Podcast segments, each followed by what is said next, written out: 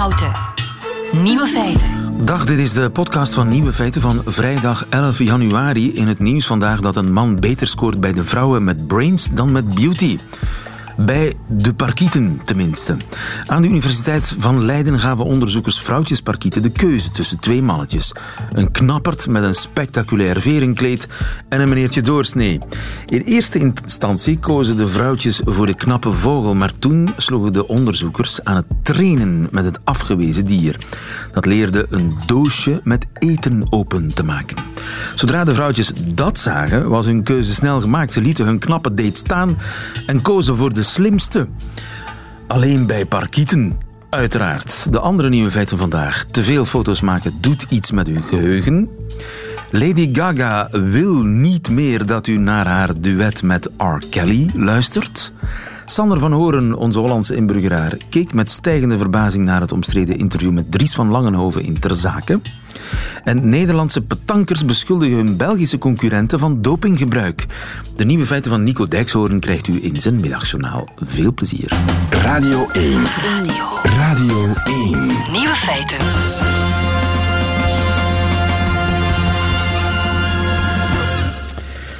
Zouden zelfs de petankers aan de doping zitten? Hans van de Wegen, goedemiddag. Goedemiddag. Hans, je bent sportjournalist. Twee Nederlandse kampioenen petank die beweren dat hun Belgische concurrenten petmiddelen gebruiken. Geloof je dat?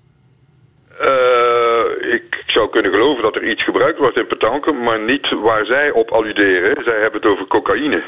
Ze gaan even naar het toilet en gooien geen bal meer fout als ze terugkomen. Citaat van de be- beschuldigende petankers. En ze hebben het inderdaad over cocaïne snuiven op de wc. Dat lijkt jou onzin.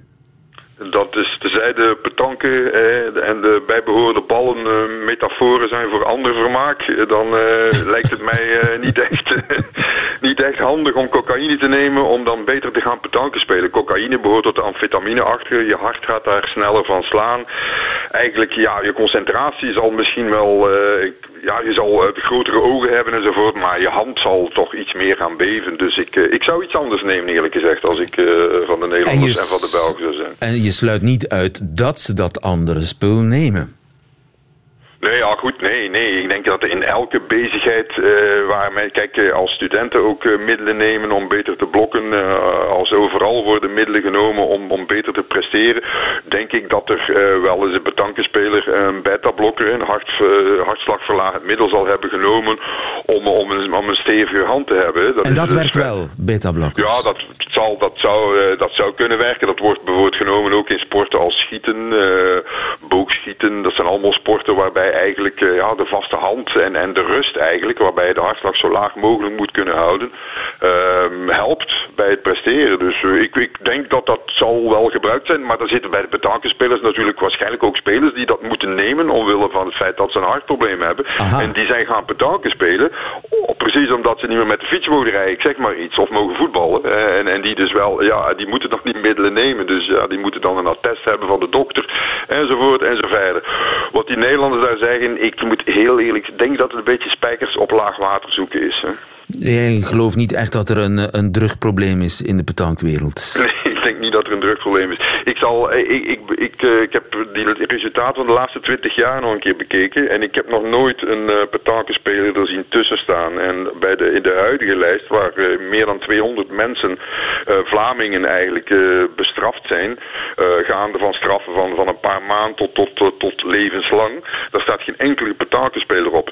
Daar staat wel bijvoorbeeld, daar staan met mensen op die meegedaan hebben aan een of andere oldtimer rally in Knokkenzoete. En die ja, ja, ja. ja. Doping in de oldtimerwereld. Ja, nee, en dan gaat het niet over een speciaal spul in de, in de motorkappen. Nee, nee, nee het, is, het, is, het, is, het is eigenlijk niet eens doping. Het is gewoon een, eh, spijtig toeval van iemand die behandeld wordt tegen prostaatkanker en die eh, vrouwelijke hormonen moet nemen. En die dat vergeet aan te geven en die een plasje moet maken voor een oldtimer rally. Dat zijn die oude bakjes die achter elkaar aanrijden en die de natuur vooral vervuilen. En, eh, ja, en die worden dan ook een keer gecontroleerd. Dus wij hebben in Vlaanderen eigenlijk al een reputatie van, van heel veel controleren in heel veel sporten waarvan je denkt, ja goed, moet dat dan nu? Ook in de Eh, petanque wordt er gecontroleerd. eh, Er zal, er zal ook in de betaken zijn gecontroleerd. eh, eh, ongetwijfeld. Misschien niet vorig jaar uh, of misschien niet het jaar daarvoor. Die cijfers heb ik nu niet direct bekeken. En er zullen ook geen honderden zijn. Dat zal maar één of twee keer zijn dat ze daar langs gaan. Maar ongetwijfeld. Nee, nee, Vlaanderen heeft een reputatie. Wij zijn bij de beste drie controlerende landen ter wereld. Hè. Als je onze cijfers zou bekijken, dan zijn wij één groot dopingland. Precies omdat wij in dat soort sporten en ook in fitnesszalen bijvoorbeeld gaan controleren. Wij zijn een van de weinige landen in de wereld die dat doen. Dus die Nederlanders hoeven ons niks te verwijten. Wij controleren in Vlaanderen evenveel als heel Nederland. En Nederland is toch met drie keer meer inwoners dan uh, Vlaanderen. Ja, dus, en cocaïne lijkt jou helemaal uh, al te gek om te gebruiken, maar een beta-blokkertje dat niet op zou vallen, dat zou wel eens de, de uitslag van de petan kunnen beïnvloeden. Ja, ja, dat zou kunnen, ja. Maar dan neem ik aan dat dat niet... Uh, ik, ik ken de werking niet van beta-blokkers, maar naar het toilet gaan en dan eraf komen, dat duurt toch, ja, dat is een minuut of vijf en dan ballen gooien en dan meteen presteren. Ja, dat duurt dat een lijkt, mij, heel- dat lijkt mij heel sterk. Voor gezegd, pillen beginnen te werken. Dankjewel voor deze verhelderende duiding, Hans van de Wegen. Goedemiddag. Nieuwe feiten. De ontdekking van België. De ontdekking van België door Sander van Horen gaat door in eh, 2019. De Nederlandse correspondent in Brussel voor de Nederlandse de televisie, voor de NOS. Na jarenlang hetzelfde werk gedaan te hebben in eh, Beirut. Goedemiddag, beste wensen. Dankjewel, Sander. hetzelfde. Ik En- verklaar mezelf trouwens officieel ingeburgerd nu. Je bent ingeburgerd, Ja, we zijn ik- klaar. We zijn klaar. En dat is een klein dingetje wat zojuist gebeurde. Ik heb Ja? eh, eh, Otto Jan Ham, mijn idool die eh, mij in het eerste jaar hier in België via de ideale wereld toch heeft helpen inburgeren. Jouw Heb- landgenoot eigenlijk. Die ja, maar wel van heel ver terug. Maar ja. die heb ik zojuist het pand van de VRT binnengelaten. Ik heb eerder dan Otto Jan Ham een pasje van de VRT. Nou, dan is je inburgering geslaagd. Dan is je in, en heb je leer me iets bij dan over ons land? Nou ja, over toch in elk geval het begrip van deze week. En het, het is niet eens een Vlaams begrip. Het zou ook in Nederland gebeurd kunnen zijn. Maar de doodstraf voor degene die het heeft eh, verzonnen. Impliciete inverdenkingstelling. Hoe verzin je het? Ja, eh, eh, impliciete inverdenkingstelling. Want is er ook een expliciete inverdenkingstelling? Dat blijkt dus van wel. Ja. Of in elk geval, er blijkt een inverdenkingstelling en er blijkt een impliciete. En dat betekent dat en je is als... er een verschil? Ja, dat- er is dus een heel groot verschil. Bij de ene ben je namelijk een verdachte en bij de andere niet. Maar heb je dezelfde rechten als een verdachte, omdat er wel een onderzoek tegen je loopt. Ja, en daar gaat de discussie over. En, en dat is misschien een... Is dat iets heel Vlaams? Nee, dat is niet iets heel Een Vlaams. discussie Ik bedoel- over... Want we moeten even duiding geven. Dit gaat over Dries van Langenhoven. En over het programma Ter Zake. En over het interview in Ter Zake, dat eh, plotseling ontspoorde bijna en een, discussie, een semantische discussie werd over eh, impliciete en expliciete inverdenkingstelling. En Ja. is dat iets Vlaams om ja, plotseling dan de discussie te laten verschuiven naar, naar iets totaal naast de kwesties eigenlijk? Nou, ik denk dat je hier twee dingen uit elkaar moet houden. Eh, juridisch taalgebruik, eh, wat dus noodzakelijkerwijs ook in wetgeving terechtkomt, zeker als het gaat om het strafrecht. Dat is niet het dagelijkse taalgebruik. En dat is het in Nederland ook niet. En in Nederland zou deze spraakverwarring op dezelfde manier natuurlijk hebben kunnen plaatsvinden. Want impliciete inverdenkingstelling, ik kan me voorstellen dat het juridisch een mooie oplossing is om iemand rechten te geven die officieel nog geen verdachte is. Alleen. Ja, je had als wetgever in 1996, toen dit in de wet terecht kwam, ook kunnen verzinnen dat het nou ja, misschien in het dagelijks taalgebruik tot verwarring zou kunnen leiden. Die inderdaad een interview wat bijzonder had kunnen zijn, volstrekt overbodig maakte, vond ik uiteindelijk. En dat vind ik het jammere. Maar had in Nederland ook kunnen gebeuren. Had in Nederland ook kunnen gebeuren. En ik denk met hand in eigen boezem. Hè, want Van Langenhoven verweet eh, de presentatrice van Ter Zake... dat ze eh, niet wist waar ze over praten.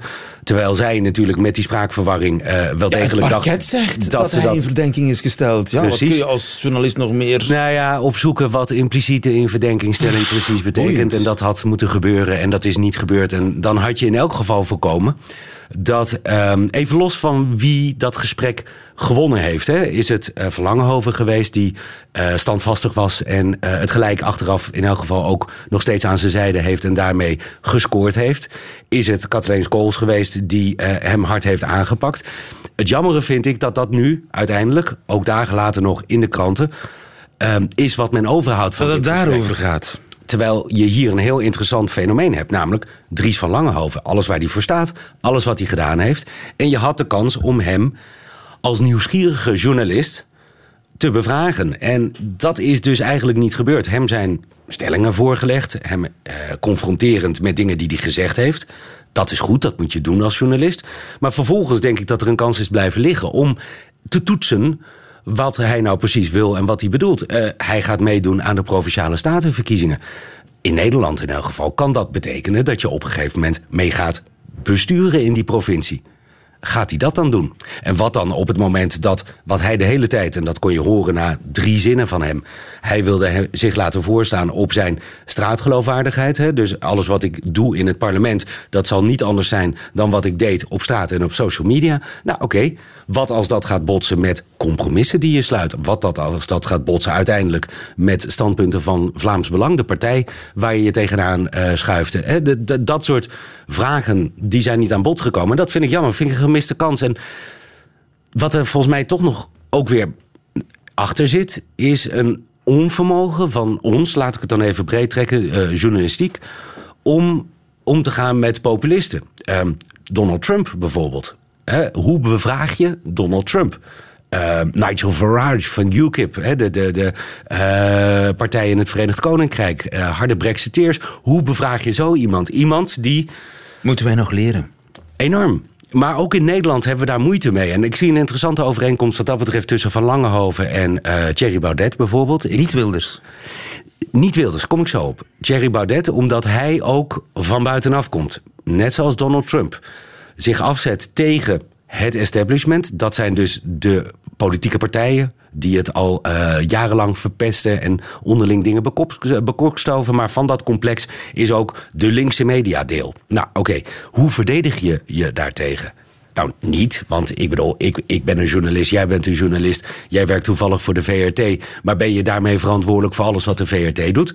Nee, maar zodra je daarop aangesproken wordt, ik, ik kan nu uh, vijf minuten twistgesprek voeren met jou en jou in de verdedigingsring voor de rol die Kathleen Kools in ter zake speelde. Ja, dank je koekoek. Dat wordt een heel raar gesprek. Ja. Maar dat is wel de rol waarin uh, je heel snel uh, gedwongen wordt door dit soort politici. En hoe je daartegen verdedigen, dat is een worsteling die we in Nederland ook nog niet uh, hebben uh, uitgemaakt. Maar Thierry Baudet is een, een betere geestelijke broer van Dries van Langehoven dan Geert Wilders. Op alle manieren. En Geert Wilders zit wat dat betreft veel meer in de lijn van, nou laten we zeggen, Bart de Wever of, of Tom van Grieken of, of Philip de Winter. En de aardigheid is, ik bedoel, ik, ik ben heel erg lang weg uit Nederland, maar wat ik vanaf misschien juist de, buitenkant zie, is dat Geert Wilders in alles een parlementariër is. Niet voor niks, een van misschien wel de meest langst zittende parlementariër in het Nederlandse parlement.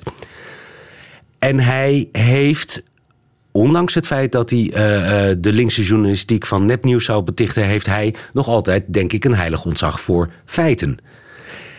En dat is iets anders Kun je dan... van Thierry Baudet niet zeggen? Die gaat daar in elk geval anders mee om. Ik bedoel, laatst weer uh, dat hij met grafieken stond uh, te schermen in uh, de Tweede Kamer. ging over het klimaatdebat. En achteraf las ik dat die grafieken uit de context getrokken waren. Het maakt niet uit, het beeld is neergezet.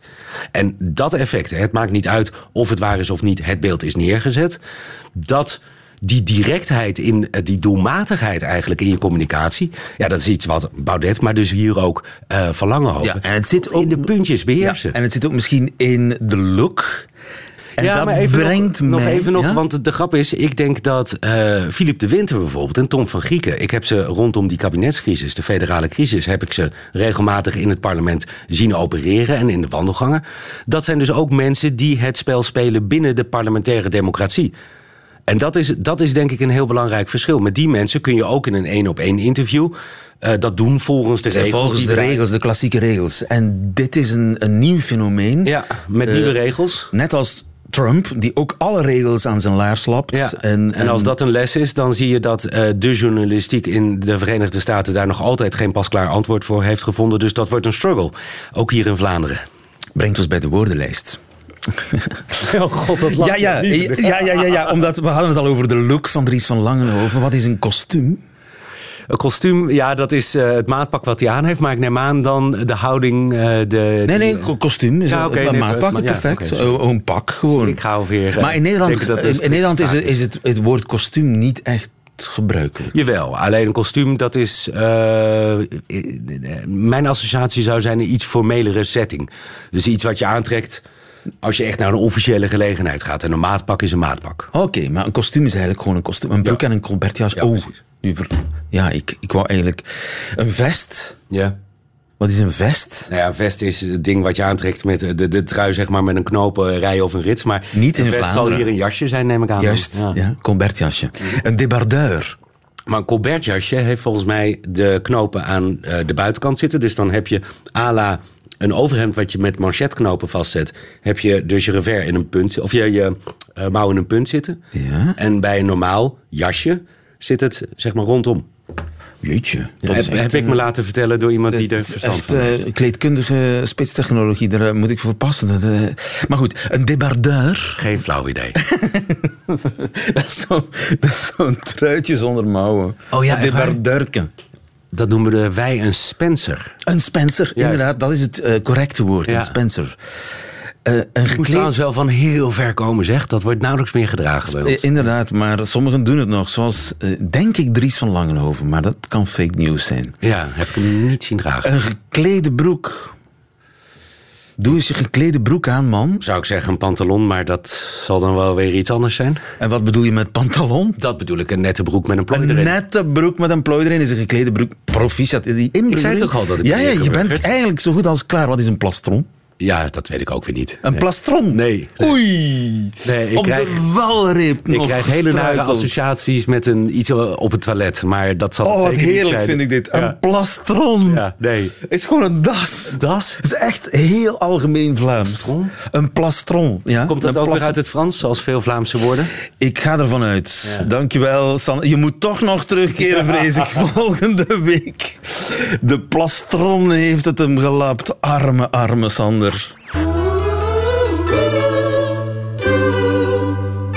Nieuwe feiten. Dag Stijn van de Voorde. Dag lieve, goedemiddag. Eh, ik heb jou naar hier geroepen, mijn Studio Brussel-collega Stijn van de Voorde, omdat ik een vraag heb in verband met R. Kelly. Ja. R. Kelly, mag ik nog naar R. Kelly luisteren? Want dit nummer bijvoorbeeld heb ik op geen enkele streamingdienst meer gevonden.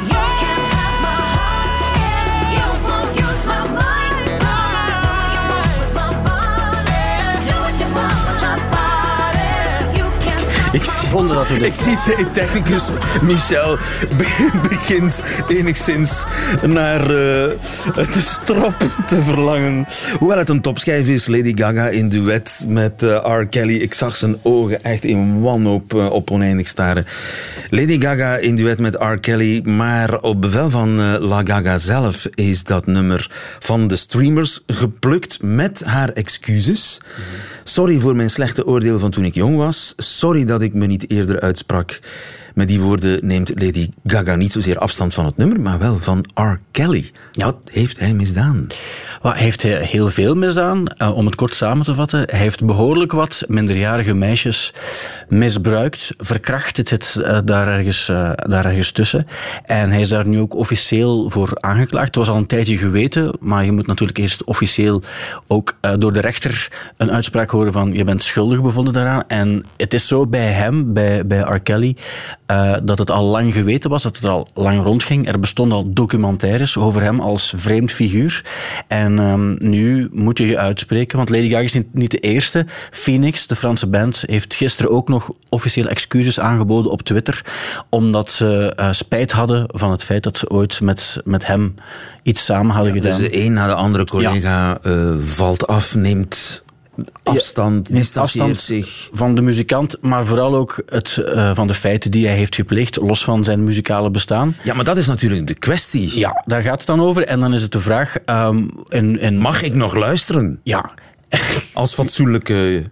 Ja, we hebben het net gedaan. Dat is natuurlijk de vraag. En het antwoord is volgens mij uiteraard ja. Als je zin hebt om naar muziek te luisteren, moet je dat absoluut kunnen doen. Alleen is het wel zo, als Lady Gaga zegt van kijk, ik heb eh, een slecht gevoel bij die samenwerking, is dat haar eigen persoonlijke werk, mag ze uiteraard eraf halen als ze dat wil.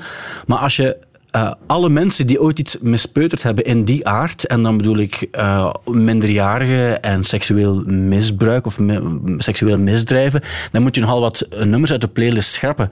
Om een paar voorbeelden te geven, wel, dit is bijvoorbeeld een voorbeeld. De top 100 aller tijden. Ja, als we, als we die top 100 aller tijden erbij nemen, dan ga je heel Oei. wat nummers tegenkomen die geschrapt moeten worden. Ja, je hoort... Stairway to Heaven? Stairway to Heaven, je hoort de gitaar van, eh, van Jimmy Page. Eh, de man die een 14 14-jarig meisje heeft verkracht en die daarna eigenlijk ook nog een tijd gekidnapt heeft. Ehm, die ehm, ja, heeft, heeft het stil kunnen houden. In die tijd kon dat nog iets makkelijker ook. Eh, maar tot haar 18 heeft hij het allemaal wat kunnen stilhouden, maar het is wel officieel erkend en hij heeft het zelf ook toegegeven. Hij is een, een voorbeeld, maar er zijn nog voorbeelden. Dit zou ook een voorbeeld kunnen zijn.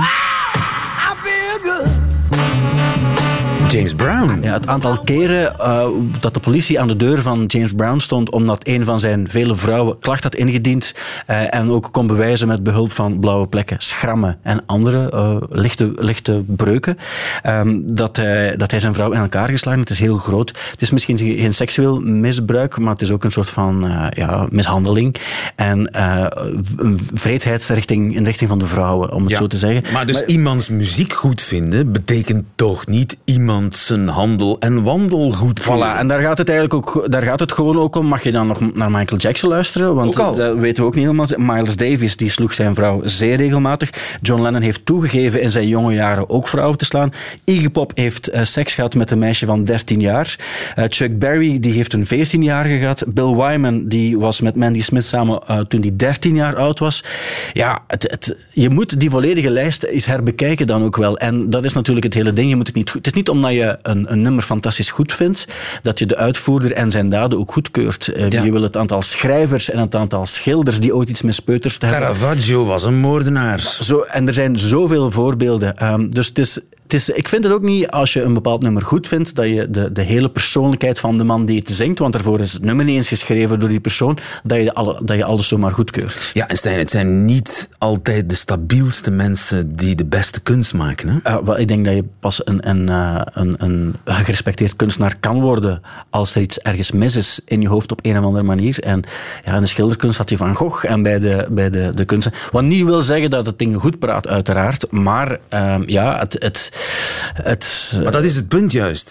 Als je je niet distancieert, dan praat je het goed. maar ik denk Dat, dat je... dat, is, dat is vandaag het adagium. Ja, maar ik denk dat het een verschil is tussen zeggen van kijk, had ik het geweten of had ik het zeker geweten, want sommigen wisten het eigenlijk volgens mij een beetje wel. Maar als je het zeker had geweten, zou je kunnen zeggen, had ik nooit met hem samengewerkt en wil ik me niet als artiest aan hem koppelen. Maar dat is nog iets anders dan als die mensen iets van muziek maken ehm, en je hoort het op de radio en het gaat niet over het feit dat er in het nummer een verhaal verteld wordt over een meisje van 12 jaar dat mishandeld of verkracht wordt, dan, eh, ja, dan is het gewoon iets anders. Ja. En het is, het, is te gek, het is te gek om dan daar een soort van censuur op te gaan toepassen. Ja, maar wat is het toch met deze tijd? Hè? Dat, dat, is dat een restant van de gedachte dat kunst stichtend moet zijn? Dat we echt, eh, in tegenstelling tot eh, vroegere jaren, dat, dat we daar echt eh, bijna jaren 50-achtig in zijn geworden? Ja, we denken in de jaren 50, dan, dan gebeurde het net wel en, en werd het gewoon door de vingers gezien. Ik denk dat dat het grote verschil is. Anders zou Bill Wyman ook niet met een 13-jarige kunnen getrouwd zijn. Maar ehm, Jaren 60, toch? dat, was, dat was de jaren 60, dat was later. anders, Maar, maar ik denk de jaren 50, ja, dan had je Jerry Lee Lewis en, en dat soort figuren waarbij het ook allemaal door de vingers werd gezien. Maar het werd niet goedgekeurd, maar nu, eh, nu gaat men soms een beetje hypocriet zijn. Anderzijds, nu komt het wel boven water en nu wordt er over gesproken. En dat is goed dat je dan eh, verbaal die, die daden afkeurt, maar eh, dat je de muziek daarvoor gaat censureren, slaat op niets. Dankjewel, Stijn van de Voorde. Radio 1. Nieuwe feiten. Heeft u een smartphone en maakt u veel meer foto's dan vroeger, dan moet ik u wel waarschuwen om daar niet mee te overdrijven. Want dat doet iets met uw geheugen.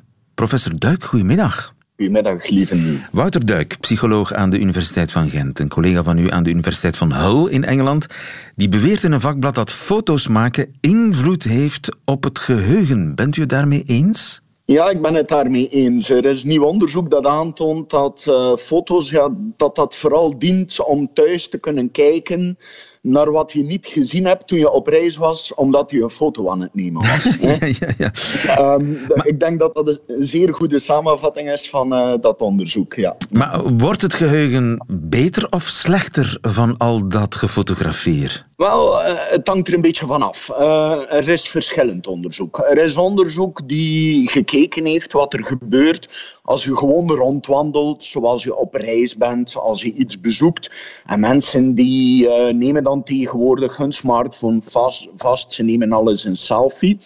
En men heeft nu onderzocht wat gebeurt er als mensen dat doen. En een experiment testen wat universiteitsstudenten deden toen ze een tour deden van een beroemde kerk op de Stanford University. Dus uh, mensen bezoeken gewoon een kerk en sommige studenten hadden een smartphone bij zich en andere studenten hadden de smartphone niet bij zich.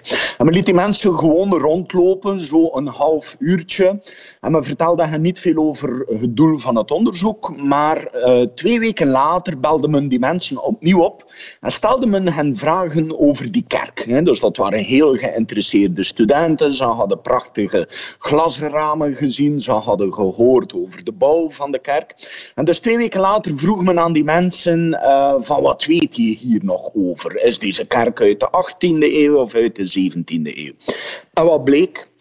Mensen die tijdens het bezoek aan de kerk met hun smartphone rondliepen, die foto's genomen hadden, die een foto misschien op Facebook gepost hadden, die mensen die hadden nadien slechtere herinneringen aan het bezoek aan de kerk dan mensen die helemaal geen foto's genomen hadden. Dus ja, het blijkt effectief zo te zijn dat het nemen van foto's terwijl we iets bezoeken, dat dat ons geheugen voor dat event, voor dat bezoek, dat dat ons geheugen aantast. Maar ga ik mij het doopfeest van mijn petekind intenser herinneren als ik er geen honderd foto's van gemaakt heb? Ja, dat is inderdaad een conclusie uh, uit uh, dit onderzoek. En dat is ook niet zo verwonderlijk, omdat uh, er was eerder onderzoek geweest waarin we weten dat mensen alle kanalen die ze hebben om het geheugen uit te breiden, dat ze die ook besteden. We hebben bijvoorbeeld eerder al geobserveerd dat studenten die feitjes moeten leren, dat gulden sporenslag uh, 1302 gebeurd is bijvoorbeeld, dat studenten vandaag, als ze zo'n feitje moeten leren, dat ze eerder opslaan waar ze die informatie op het internet kunnen vinden, dan de informatie zelf op te slaan. En een soort gelijk fenomeen blijkt ook met die foto's plaats te vinden. Men ziet in dit onderzoek dat als mensen foto's nemen van een feest, dat hun brein als het ware de redenering maakt van ja, ik heb dit ergens opgeslagen, ik heb dit vastgelegd, ik heb dit misschien op mijn Facebookpagina uh, gezet.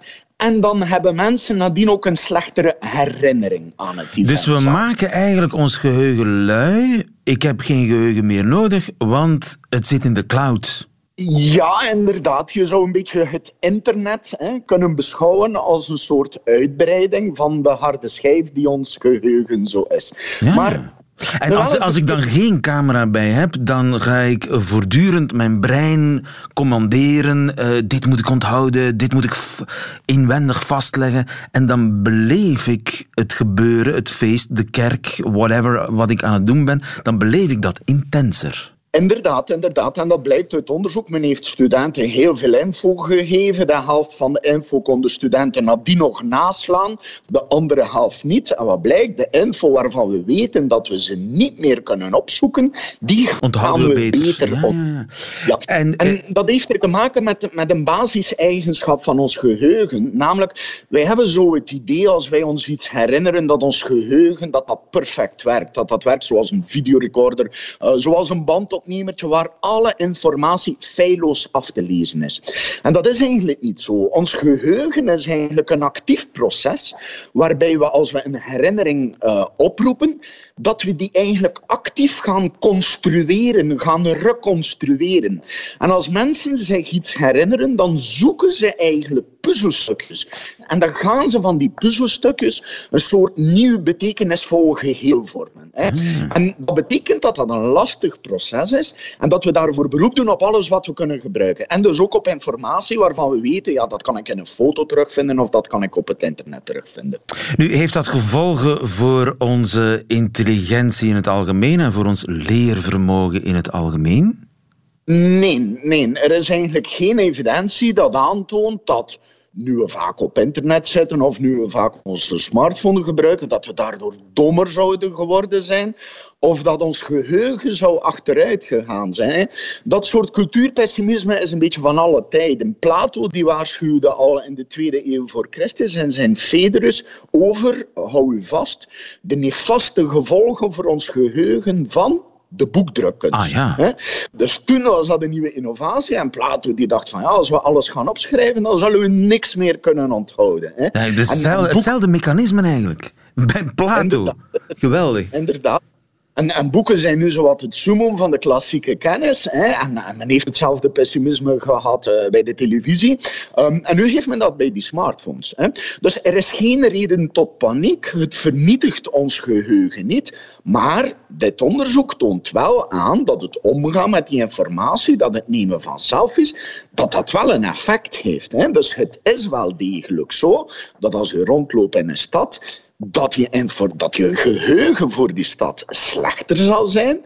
Maar tegelijk weet je dat je die informatie wel opgeslagen hebt hè, en dat je die foto's als een soort extern geheugen zal gebruiken. Ja, dus als je iets echt wil meemaken, stop die smartphone in je zak. Dankjewel, ja, professor uh, Duik. Goedemiddag. Graag gedaan. Dag. Nieuwe feiten. Middagjournaal. Beste luisteraars, ik ruik nu al bijna anderhalve week lang naar een mengsel van citroengras, rozemarijn en passievrucht. Van mijn vriendin Tanja kreeg ik tijdens de kerstvakantie een douchegel. Ik was er heel blij mee, want het was precies dezelfde douchegel die ik deze zomer in een hotel gebruikte. Die beviel mij toen heel erg goed, tot ik las wat er op de fles stond: passievrucht.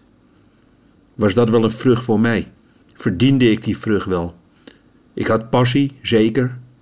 Maar dan vooral voor s'nachts half naakt een bord gebakken rijst uit de ijskast eten. Met mijn blote handen het Franse volkslied op mijn voorhoofd slaan. En duwen tegen deuren waar toch heel duidelijk trekken op staat. Ik vermoedde dat er een heel andere passie werd bedoeld. Nu Tanja mij die geur cadeau heeft gegeven, twijfel ik heel erg. Kan dat wel? Op mijn leeftijd naar passievrucht ruiken. Ik vind mezelf veel meer een man die naar beschimmelde boeken ruikt. Wat ook wel bij mij zou passen, dat is de lucht van oud badwater. Ik zou zelfs wel reclame willen maken voor geuren die bij mij passen. Dat ik bijvoorbeeld in een badhanddoek de woonkamer binnenkom en dat ik dan zeg: Ik ben Nico. Ik leef. Ik adem. Ik ruik naar mosselvocht. Gisteren werd dat hele geurgedoe extra pijnlijk. Er kwam een loodgieter bij ons langs omdat de afvoer was verstopt. Ik deed de deur open en ik rook het meteen. Deze loodgieter, die rook niet naar citroengras. Ik rook een mengsel van verbrande autobanden, gesmolten plastic en rottende bladeren. En dat maakte mijn geur nog erger. Ik stond daar in dat halletje tegenover dat wilde natuurmens, die noeste loodgieter, die precies zo rook zoals hij eruit zag. En ik stond met mijn verwaaide kop, met wit oude mannenhaar, heel parmantig naar citroengras, rozemarijn en passievruchten geuren. Het onvermijdelijke gebeurde. Ik moest samen met hem in een gootsteenkastje kijken. Hij keek me aan, onze vangen bijna tegen elkaar, en hij zei: Ik ruik passievrucht. En ik zei: Die heb ik van mijn vriendin gekregen. En hij zei: Ach, meneer, een vriendin hebben, daar droom ik van. Daarna trok hij met een lange draad zes ons gestold frituurvet en een halve makreel uit onze afvoer. En die lucht, die geur, luisteraars, die maakte zoveel goed.